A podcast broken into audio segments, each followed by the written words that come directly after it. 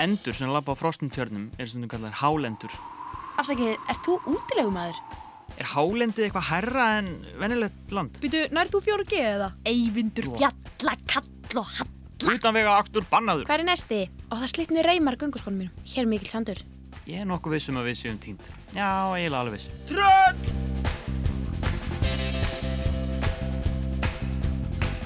Komið sæl og verið velkomin í fjölskyldu og ferðarþáttinn Hvar erum við núna? Í þessum þáttum förum við yfir holt og hæðir og skoðum landið frá öllum mögulegum hliðum. Við fræðumst um hvert landsluta með aðstóð ungra ferðarsérfræðinga og heimamanna, förum í skemmtilega bílaleiki, hlustum á þjóðsögur sem gerast í hverjum landsluta fyrir sig og endum á æsispennandi spurningakeppni fyrir alla fjölskylduna. Ég heiti Ingi Björg. Og ég heiti Jóhannes.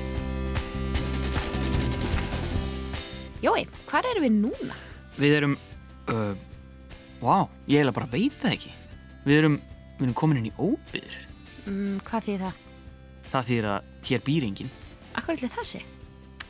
Hér er mjög oft vond veður og það er lítill gróður þannig að það er ekki auðvelt að rækta neitt til matargerðar eða vera með hústýr. Já, ég skil. En það er rosa fallegt hérna. Rosalega fallegt. Við þurftum að fá lánaðan annan bíl fyrir þetta ferðalag. Og maður skilur það þegar maður sér vegina hérna og árnar sem þarf að komast yfir. Þetta er engar smá torfærur. Já. En ertu tilbúin til að skilja bílinn eftir og ferðast líka fótgangandi? Já, við erum allan búnan til þess. Já. Gunguskó, tjald, tjaldhæla og góða úlpu. Góða úlpu? Mhm. En ég er smá hrættu við drauga. Það er svolítið draugalegt um að litast þegar það kemur kvöld. Erum við ekki ábyggilega með vasaljós? Jú, við erum með vasaljós. Ok, hjúk. Og við erum með mjög mikilvægt öryggistæki á hálendinu. GPS-tæki. GPS. Og við erum búin að láta fjölskyldun okkar vita hvert við erum að fara og hvenar við ætlum að koma tilbaka. Það er mjög mikilvægt. En hvað getum við gert hérna á hálendinu á þessum tíma sem við ætlum að vera hér? Góð spurning.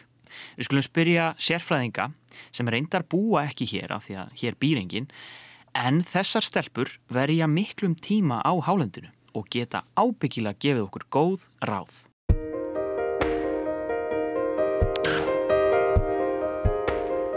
Hæ, ég heiti Ragnar. og ég heiti Ástildur og við erum heima í Kópavogi.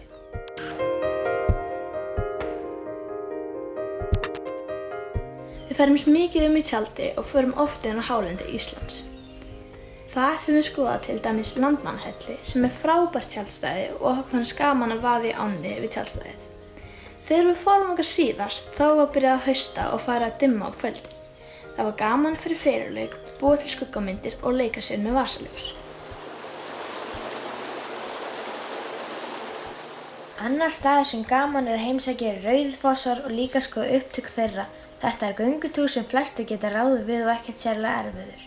Upptökin eru lindir og eru mjög margir skrýtni litir í kringum þetta svæði. Við höfum alltaf með okkur næsti þegar farið er í göngutúr og finnum okkur yfirleitt einhvern þægilegan staða til að borða. Okkur finnst gaman að heimsækja Kellingafjöll því það er fallegur staður þar sem hægt er að fara í gönguferður og leika sér út í náttúrunni. Þegar veður er ekki sem best þá er hægt að nýta sér skálaðastöði til að spila og drekka kakó eða bollarsúpu. Í kettlingafjöll í kvelli öll Við keirum í rútu með sköll og köll Og föllum af skýðum í freðna mjöll Þým eins og belja á svelli Kett, kett, kettlingafjöll Kett, kett, kettlingafjöll Kett, kett, kettlingafjöll Í kettlingafjöll í kvelli Á hálendinu er ekki mikill gróður og frekar fjölu litir í umhverjunni en þar er hægt að sjá mörg falleg fjöll og jökla. Það eru líka margar ár og stundum er ekki að brýra þeim og þá þarf að keira yfir þar beint.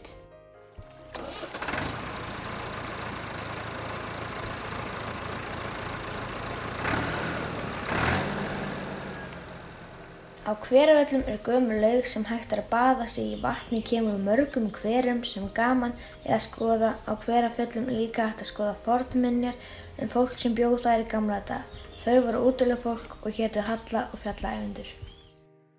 Það sem ég er minnistæðast var þegar við gengum kjálveginu forna. Þar gengum við frá hveravöllum yfir í Hvítarnes, gangan tók þrjá daga og vorum allt á bakinu. Við fengum frábært veður og þurftum þess vegna oft að leggjast út í móa í sólbað. Á leiðinni gistum við í þjófadölum þar sem er mjög krútlegur og gamall skáli og engin vaskur. Maður þarf að sækja vatn í lækin. Næstu nótt gistum við í Þörbarnamúla á frábæri tjálstæði með útsinni yfir hrútfeld sem heitir líka Regnbúðjökull. Við heitum bara þíska ferðamenn á leiðinni en vorum yfirleitt alin. Endastuðum á Hvítanist þar sem amma okkur og afi tóka á mót okkur með veitingar.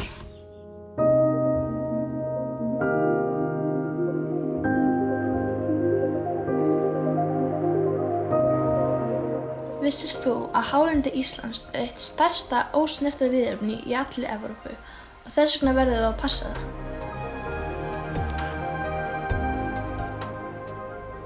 Það skemmtilegasta sem maður gerir þegar maður er á hálendinu er að gista í tjaldi og að í ám. Einnig er gaman að rannsaka og skoða náttúruna. Við höldum að krökkum finnst gaman að vera svona fráls eins og við erum þegar við erum á hálendinu.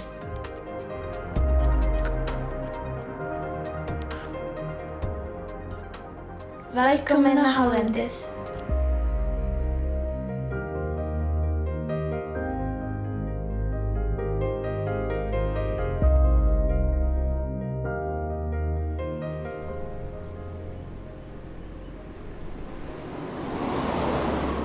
Ingibjörg, Já. hvað gerist þegar maður dettur af hestbaki? Maður með sig. Maður fer aftur á bak. Já, bara það er til.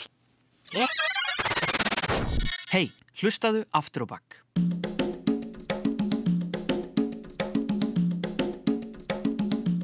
Hvaða staður á hálendinu er þetta? Rullauk. Rauðlaug. Rullauk. Rullaug. Hvernig laug er það? Rullauk. Kjölur.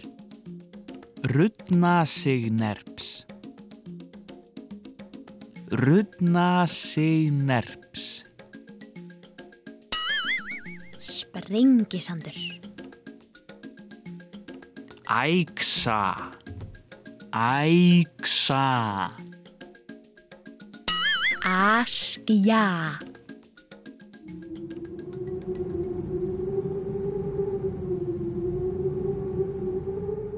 Yfir kaldan eyðisand, einn um nótt ég sveima. Nú er horfið Norðurland, nú á ég hvergi heima.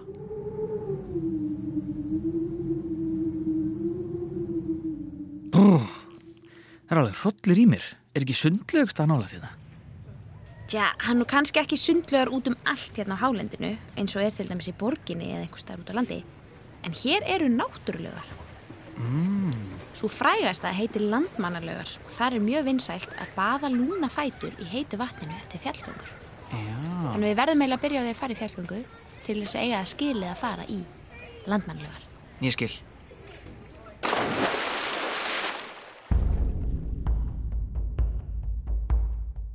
Landvættir Í skjaldamerki Íslands má sjá fjórar verur sem heita landvættir. Þær eru fjórar, alveg eins og landsfjórðungarnir. Ef við skiptum Íslandi niður í kross frá miðju þá verða til fjórir hlutar eða fjórðungar. Suður, vestur, norður og austurland. Hver landvættur hefur það hlutverk að vernda og gæta hvers fjórðungs fyrir sig. Við heyrðum af þessum vættum fyrst í heimskringlu Snorra Sturlusonar sem er mjög fræg, merkileg og gömul íslensk bók.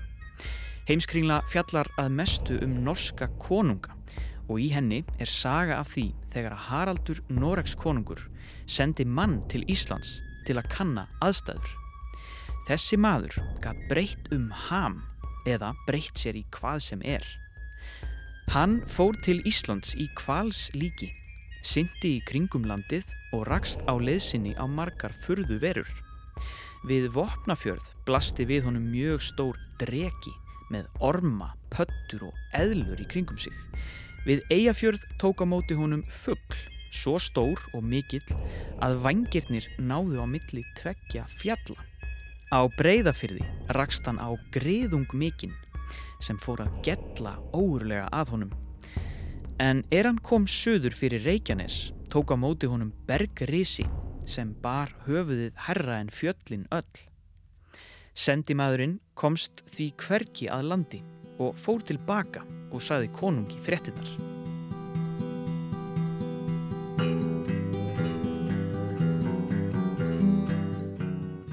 Ingi Björg, mm -hmm. segðu mig sögu, takk. Ég skal segja þér frá frægasta útilegu manna pari Íslandssögunar. Útilegu manna manna, ganda. Útilegu manna par. Útilegu manna par. Útilegu mannapar. Nei, þau voru ekki mannapar, þau voru Nei. mannapar. Manna par. Par. Útilegu manna par. Fjallaeyfundur og Halla.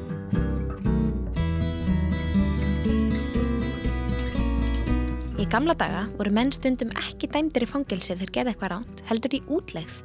Þá þurftu þeir að bjarga sér sjálfur einhvers þar langt frá öðru fólki. Eyvindur Jónsson var fættur 1714 í Árnessíslu sem er á Suðurlandi. Þegar hann var 32 ára gammal var hann sagaður um þjófnað.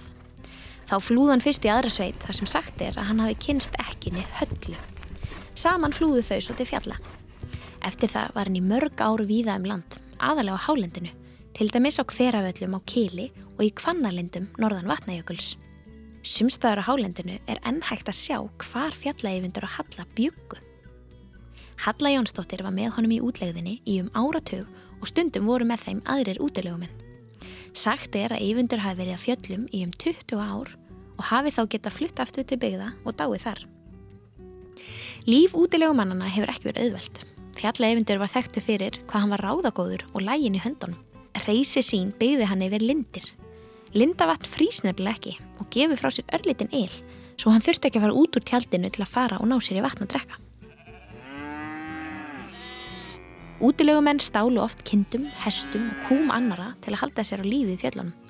Þau þurftu líka að nýta allt sem til var til matar og áhalda. Fjallaeyvindur gaf til dæmis fléttað körfur úr rótum, svo þéttar að þær heldu vatni. Til eru gripir á söfnum, til dæmis á þjóðminnasafninu, sem sagt er að fjallaeyvindur hafi gert. Líf útilegumannana hefur orðið innblástur af mörgum, mörgum sögum. Sumar eru sannar, en flestar eru þjóðsögur sem þýðir að kannski er eitthvað af þeim fært í stílinn eða skálda.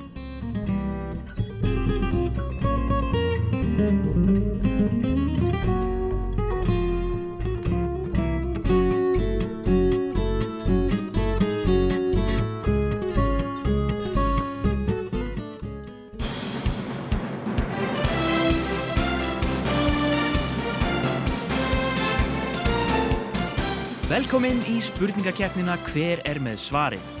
Við heyrum nokkra spurningar um landsvæði þáttarins og hvert rétt svar gefur eitt stig. Sá sem fyrstur kallar réttasvarið fær stíð. Og við byrjum núna!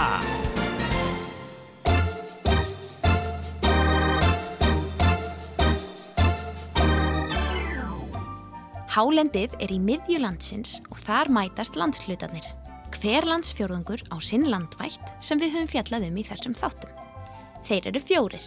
Örn, Naut, Bergrisi, en hver er sá fjórði sem býr á Austurlandi?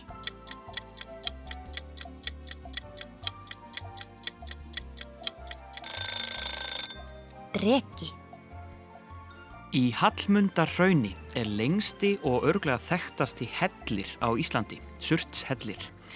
Hvað er hann eiginlega langur? A. Um 9 metrar B.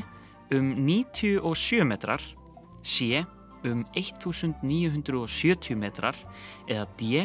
Um 11.970 metrar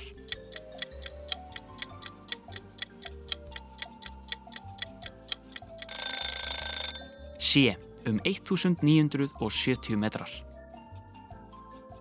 Í gamla daga fengu þeir sem frömdu alvarlega glæpi þann dóm að mega ekki vera innan um annað fólk í byggð og flúðu þess vegna oft upp á hálendið. Þar þurfti að lifa á náttúrinni og ræna dýrum af bændum og til eru margar óhugnarlegar þjóðsögur um þessar konur og menn.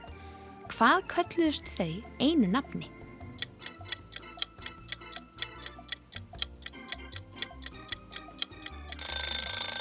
Útilegumenn. Hvaða stað er minnst á næst í læginu á Sprengisandi? Ríðum, ríðum, rekum yfir sandin, rennur sól á bakvið.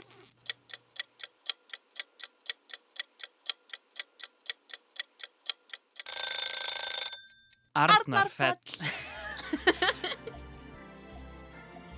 Íslandingar hafa löngum glætt grjót fjöll og holt landsins lífi með sögum. Víða í grítu landi er sagt að tröllin búi, en þau haldi sig þó heima á nóttunni. Hvað gerist þegar tröll fara út í dagspyrtuna?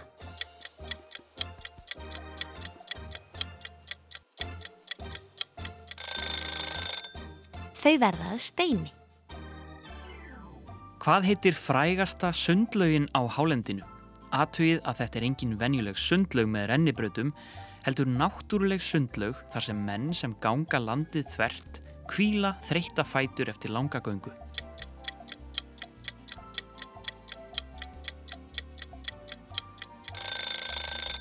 Landmannalaugar Á Íslandi eru margir jöklar. Þeir allra stærstu er á hálendinu og einn þeirra er eiginlega alveg í miðju landsins. Hvað heitir hann?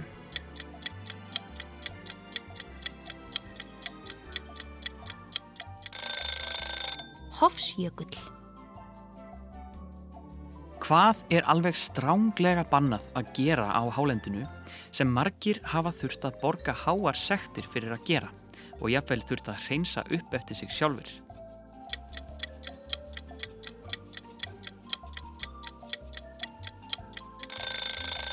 Það er bannað að keira utan merktra vega.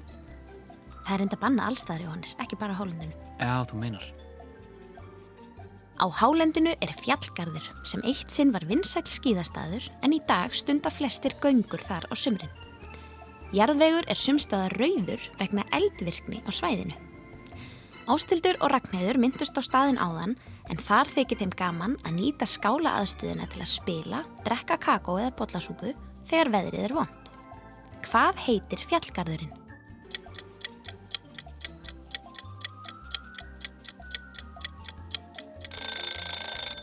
Kerlingarfjöll.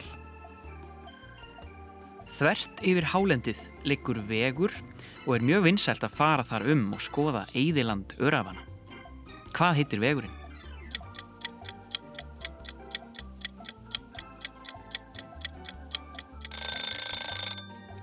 Kjallvegur eða kjölur. Eyvindur Jónsson er án efa þekktasti útilegumadur í íslenskum sögum og fjallað var um hann og höllu, konuna sem ferðaðist með honum, í þjóðsögunni hér áðan.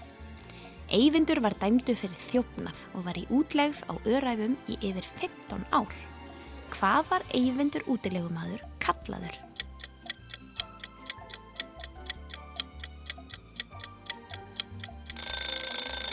Fjalla Eyvindur.